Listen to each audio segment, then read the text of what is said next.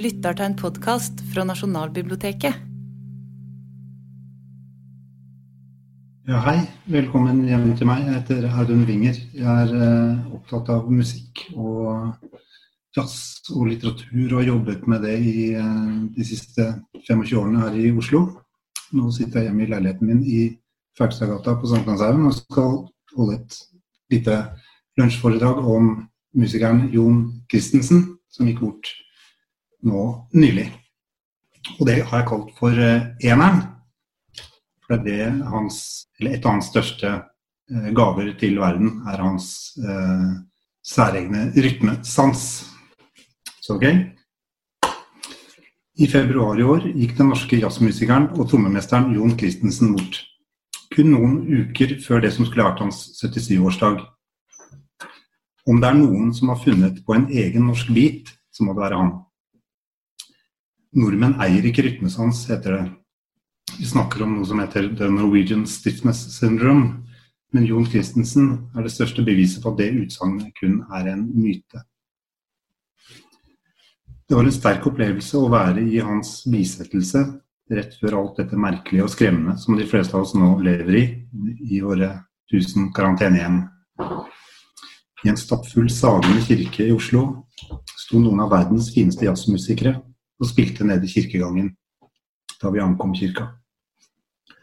Og resten av disse musikerne satt øyensynlig på benkeradene rundt om. Det ble nesten som en liten jazzfestival i miniatyr. Det eneste som mangla, var pilsen. Talene var rørende og brutalt ærlige, slik det gjerne kan være i begravelser, og tidvis morsomme, men hele tiden det vi kaller for jazzikalske jeg vil si til og med presten var på biten hele veien. Det var nesten som man hevet øyenbrynene der man satt. Vi hørte klassikeren My Song over kirkeorgelet. Svenskenes aller største jazzprofil, Bobo Stensson, spilte inderlig vakkert på piano. Og vi fikk søren meg også høre en lattermild låt av Øystein Sunde på teip over anlegget. Han kunne ikke komme, hadde mista stemmen. Og skulle spille konsert samme kveld. Og sånn er livet i musikerverdenen. I en sedvanlig anekdotisk tale i bisettelsen fra Bass Boss og venn Arild Andersen forklarte Andersen lett om den frie og rytmiske bølgen som de to spilte frem og gjorde til sitt karakteristiske kjennetegn fra slutten av 60-tallet og utover. Da den såkalte eneren i beaten ikke lenger ble like bastant eller opplagt for den som hørte på. Og den bølgen de eh, skapte den gangen, er en bølge vi fortsatt lever i etterdønningen av. Til slutt, i denne bisettelsen, så reiste en enorm ansamling musikervenner seg fra plassene sine og fant frem instrumentene sine. Og de fremførte Jon Balkes vanvittig gripende marsj 'Konge', mens kisten, familien, vennene og alle oppmøtte sakte gikk ut av kirka ut i skarp vindsol og synet av 54-bussen som kjørte forbi i all sin røde prakt. Da viste Christensens særegne time seg igjen, og klokken klang akkurat i tide. Alle i hans utvidede omkrets, som fans, arrangører, folk fra organisasjonsliv, journalister og medlemmer i samme jazzsekt, som vil vi fortsatt kan kalle det, hadde blitt frarøvet en kul kompis og en slags kontakt med selve kjernen og historien i jazzen i Norge. For hele det tankesettet og vibben, om vi kan bruke et sånt ord, av jazz, og hvordan den har utviklet seg i norsk musikk, men også i norsk kultur og samfunnsliv generelt, blir litt vanskeligere å gripe og forestille seg nå uten Johan Christensen. Han var til stede på trommestolen gjennom kraftige utviklingsbyks i norsk musikk- og kulturhistorie.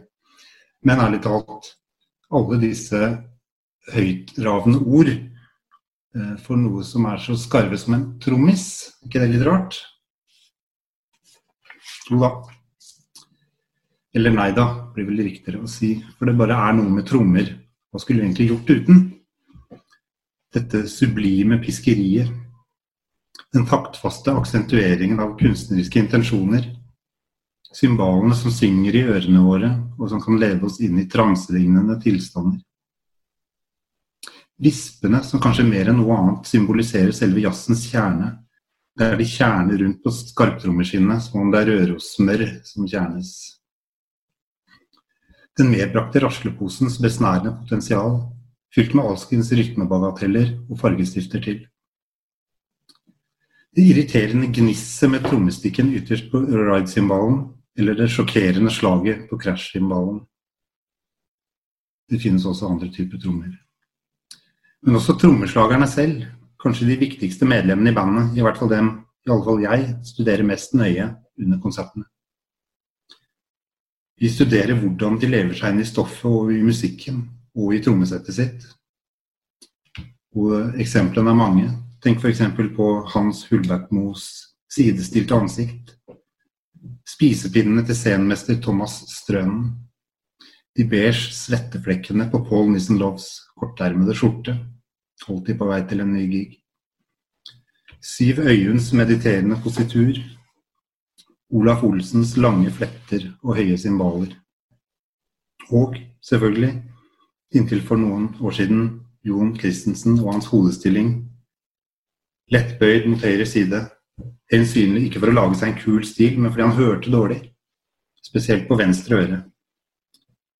Og det sies at dette er fordi han ble tatt med tang under fødselen og dermed fikk skadd hørselen allerede fra starten av.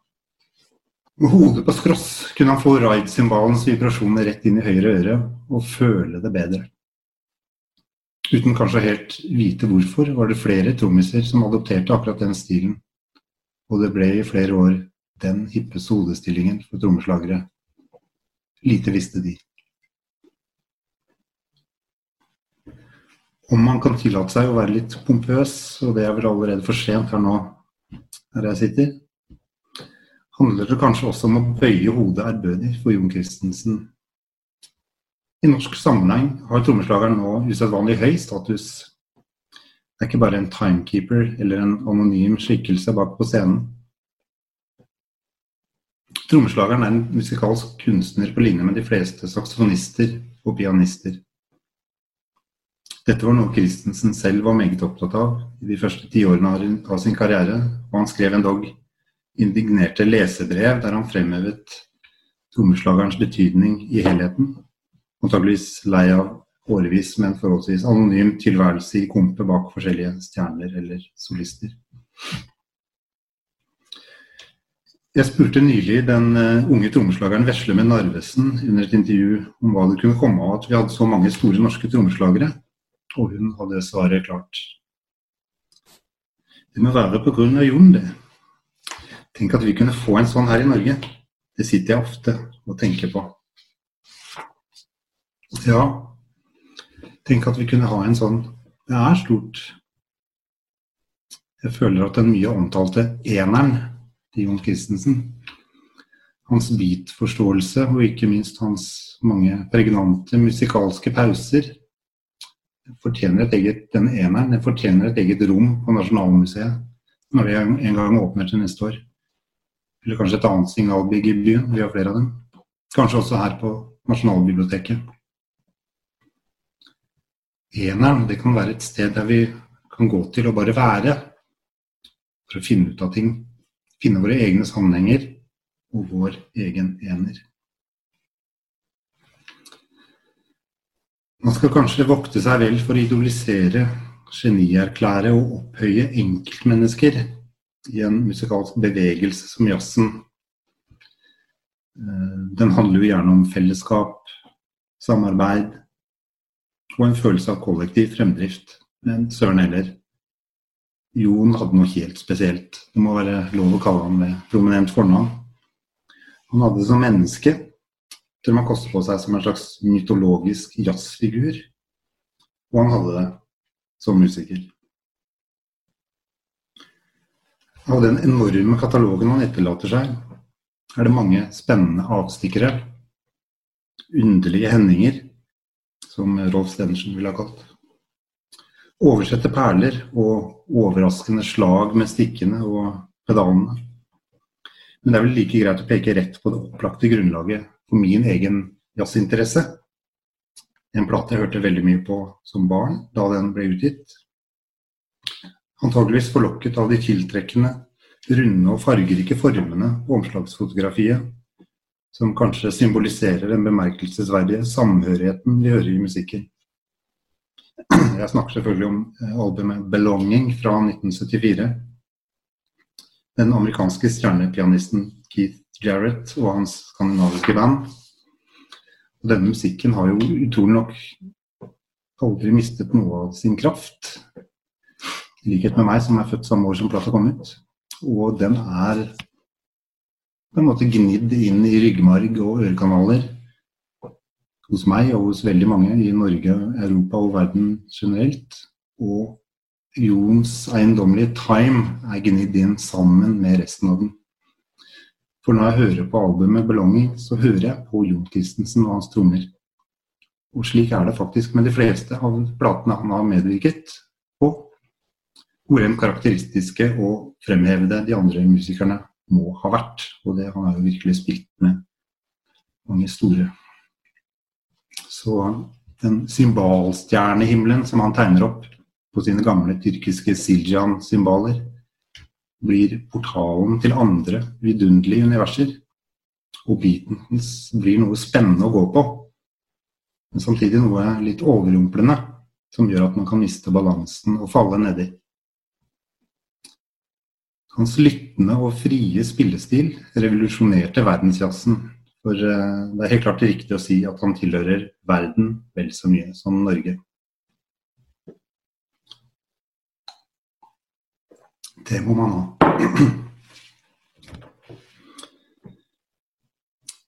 Vi hører stadig om at det er vanskeligere å opprettholde en karriere i dagens strømmingsbaserte musikkvirkelighet.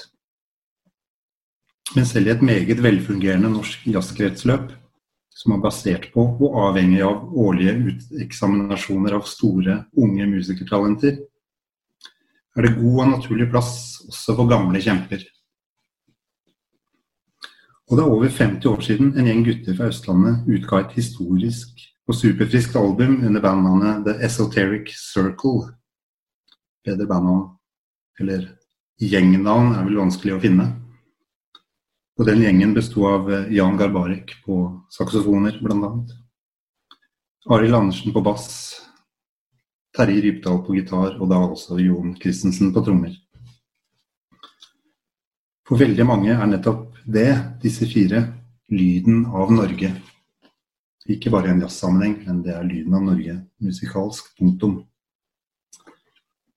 Norway can no longer be considered a backwater of the new jazz, som legendariske Nat Hentoff skrev i det albumets liner notes i 1969.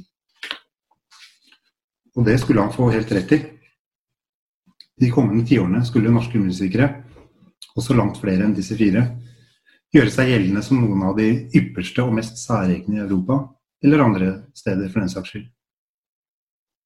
Og dette er også fortsatt tilfellet nå i 2020, 2020.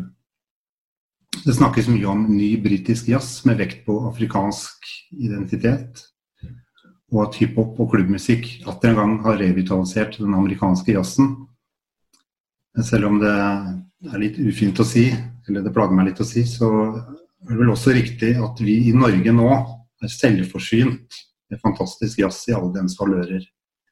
Så selv om det ikke vil lande noen fly på en stund, så skal vi klare oss.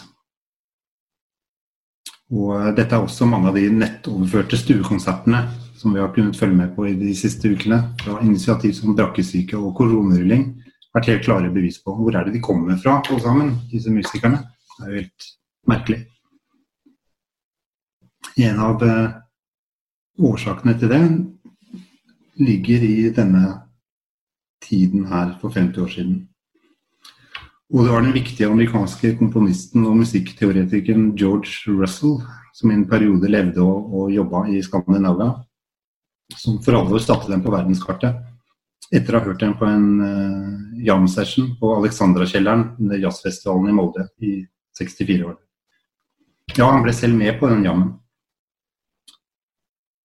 Han lærte dem opp i sin musikalske filosofi, the Lydian chromatic concept of tonal organization. Og så åpnet altså dørene til det internasjonale markedet med utgivelsen av platen George Russell Presents The Esoteric Circle på, på selskapet Flying Dutchman og andre konsertaktiviteter og plateinnspillinger. Fra, fra, i siste halvdel av 60-tallet. Saksofonist Garbarek ble det ledende navnet da denne gruppa meldte overgang til det da helt ferske tyske plateselskapet ECM og den vel så friske platen Afric Pepperbird fra 1970, som vi også kan feire 50-årsjubileum for i år. Sånn ser den ut på kompakt disk. Det er en plate som fortsatt overrasker, og spesielt blir man påminnet hvilken kraft og tyngde det var i Garbarek i denne tidligere, tidlige perioden av hans karriere. Afric Pepperbird låter langt mer heftig, bråkete og groovy enn hva man gjerne assosierer med ham, og også de andre her i de åra som kom etterpå. ECM-selskapets grunnlegger Manfred Eicher hørte de norske musikerne sammen med Russell på en festival i Bologna i Italia året før.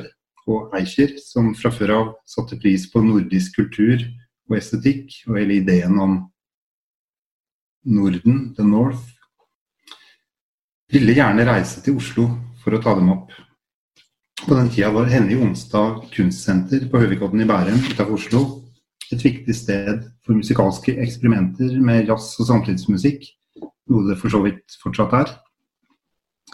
Og den innspillingen skulle ledes av den eh, viktige og meget særegne norske bassisten Bjørnar Andresen, som spilte sammen med Svein Finnerud-trio i denne tida, som da var kanskje Norges mest spennende band. Og uh, det kan man fortsatt si at de uh, det har ikke kommet så veldig mye uh, råere band enn det egentlig noen gang, men sånn er det. Men Andresen fikk ikke helt reisen på lyden den dagen. I hvert fall så syntes Eicher at det ble for mye reverb og i hui og hast så klarte de å booke tid samme natt i utstudio til Arne Bendiksen, som hovedsakelig spilte inn popmusikk. Og det var den da ganske urutinerte Jan Erik Kongshaug, en uh, gitarist, som måtte være tekniker. Og resten er, som dette, historie. Hvor i studier som Talent og senere utgaver av studio Rainbow så var det Kongshaug mikrofoner, senere hans flygel og hans rolige tilstedeværelse som var grunnen til at hundrevis av innspillinger for ECM ble slike store kunstneriske suksesser. Og dette var noe som brakte en, en strøm av verdensstjerner til landet året rundt. Og alt det samarbeidet medførte jo også at uh, norske musikere traff disse stjernene og uh, og interagerte med dem og ble tatt med på turneer ut i utlandet. Så eh, dette var veldig viktig for utviklingen av norsk jazz, rett og slett. Og dennes internasjonale status. Kongshaug gikk eh, dessverre også bort i fjor, og er en av de virkelig store profilene i historien om norsk musikk. Utviklingen av den klassiske ECM-lyden har disse fire nordmennene som jeg nevnte, Rypdal, Andersen, Garbarik og Christensen, de har vært sentrale for den lyden siden disse platene på begynnelsen av 70-tallet og en haug med innspillinger på selskapet og andre steder i de påfølgende tiårene. Og det er nesten komisk hvor mange av disse som fortsatt holder på. Jazz er tydeligvis ikke noe man slutter med sånn over natta. Eller og det er over natta man slutter med det. Det er ikke noe som ebber ut. Der er det full pinne helt inn til målstreken. La merke til det var en helg for et par, eh, par, få år siden hvor vi kunne høre alle disse fire, Rypdal, Andersen, Karbarik og Christensen, spille hver sine konserter på vidt forskjellige eh, konsertsteder i Oslo. Sånn som Øyafestivalen, Den Norske Opera, Kaffe Mir og Oslo Jazzfestival. Så samme lange Det er helt sprøtt.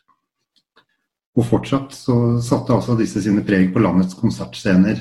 Disse scenene som vi savner så veldig nå i disse dager.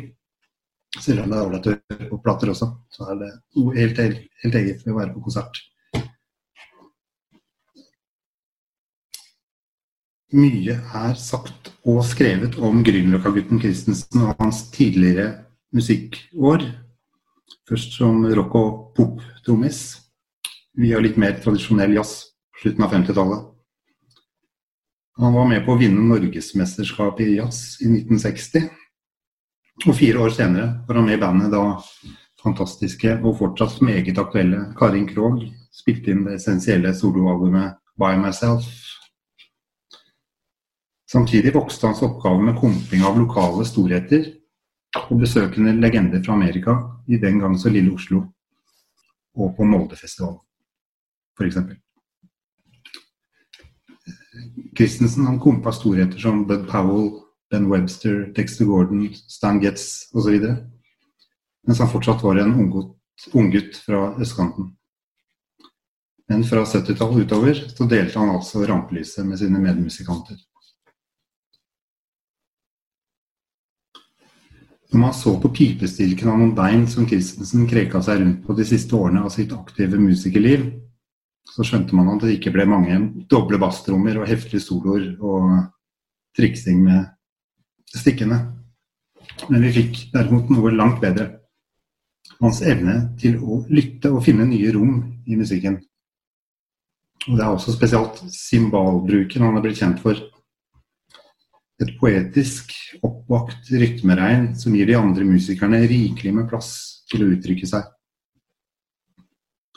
Men uansett hvilke feterte og fantastiske musikere som står først på musikerlisten, er det som regel Christensens spill som er oppmerksomhetens midte. Han tar alltid andre valg enn de opplagte, og belyser dermed musikken helt annerledes denne bølgen som vi snakket om der. Og på en bemerkelsesverdig intens frikonsert sammen med de svenske musikerne Bobo Stensson, som han har spilt med helt siden den tiden på begynnelsen av 70-tallet.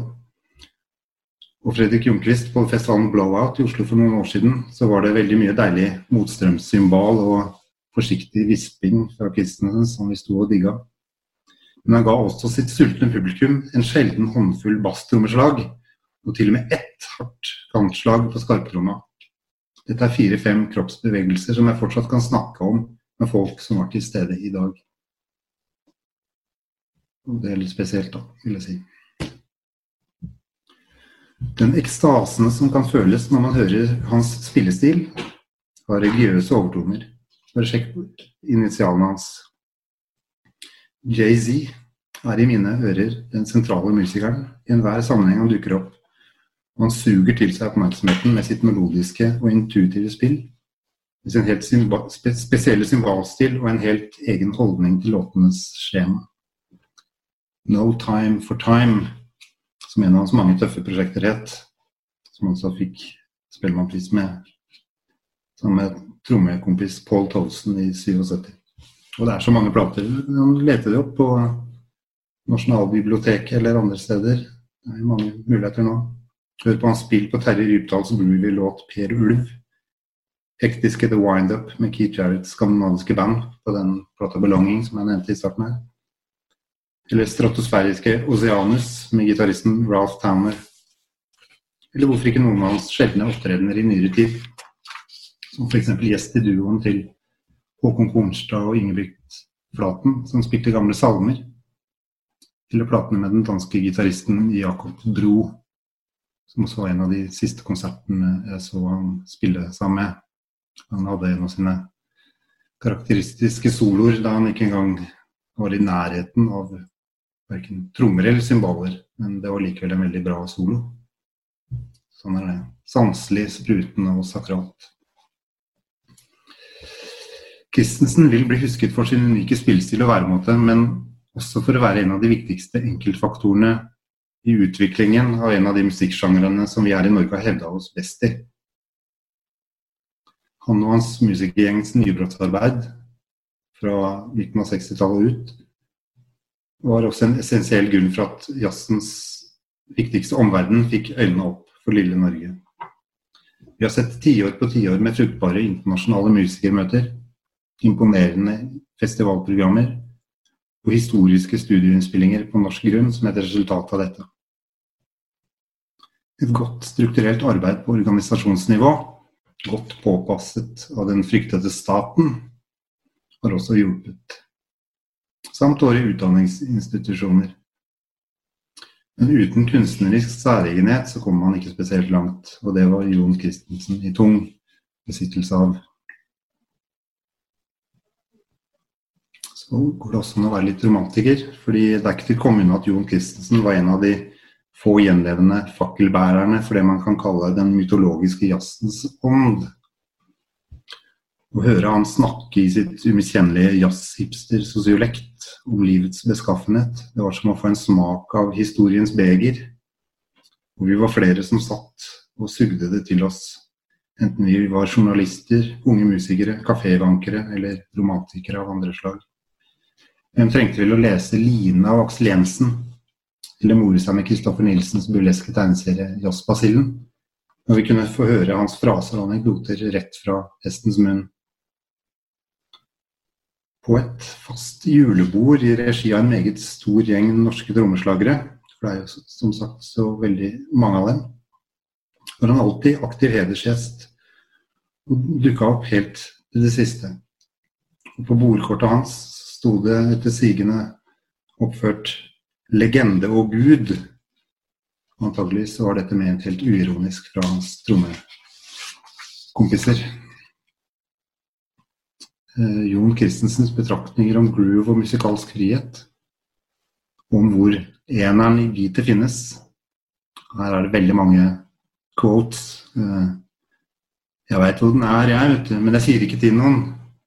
Et av dem og om livet om, som jazzmusiker før i tida.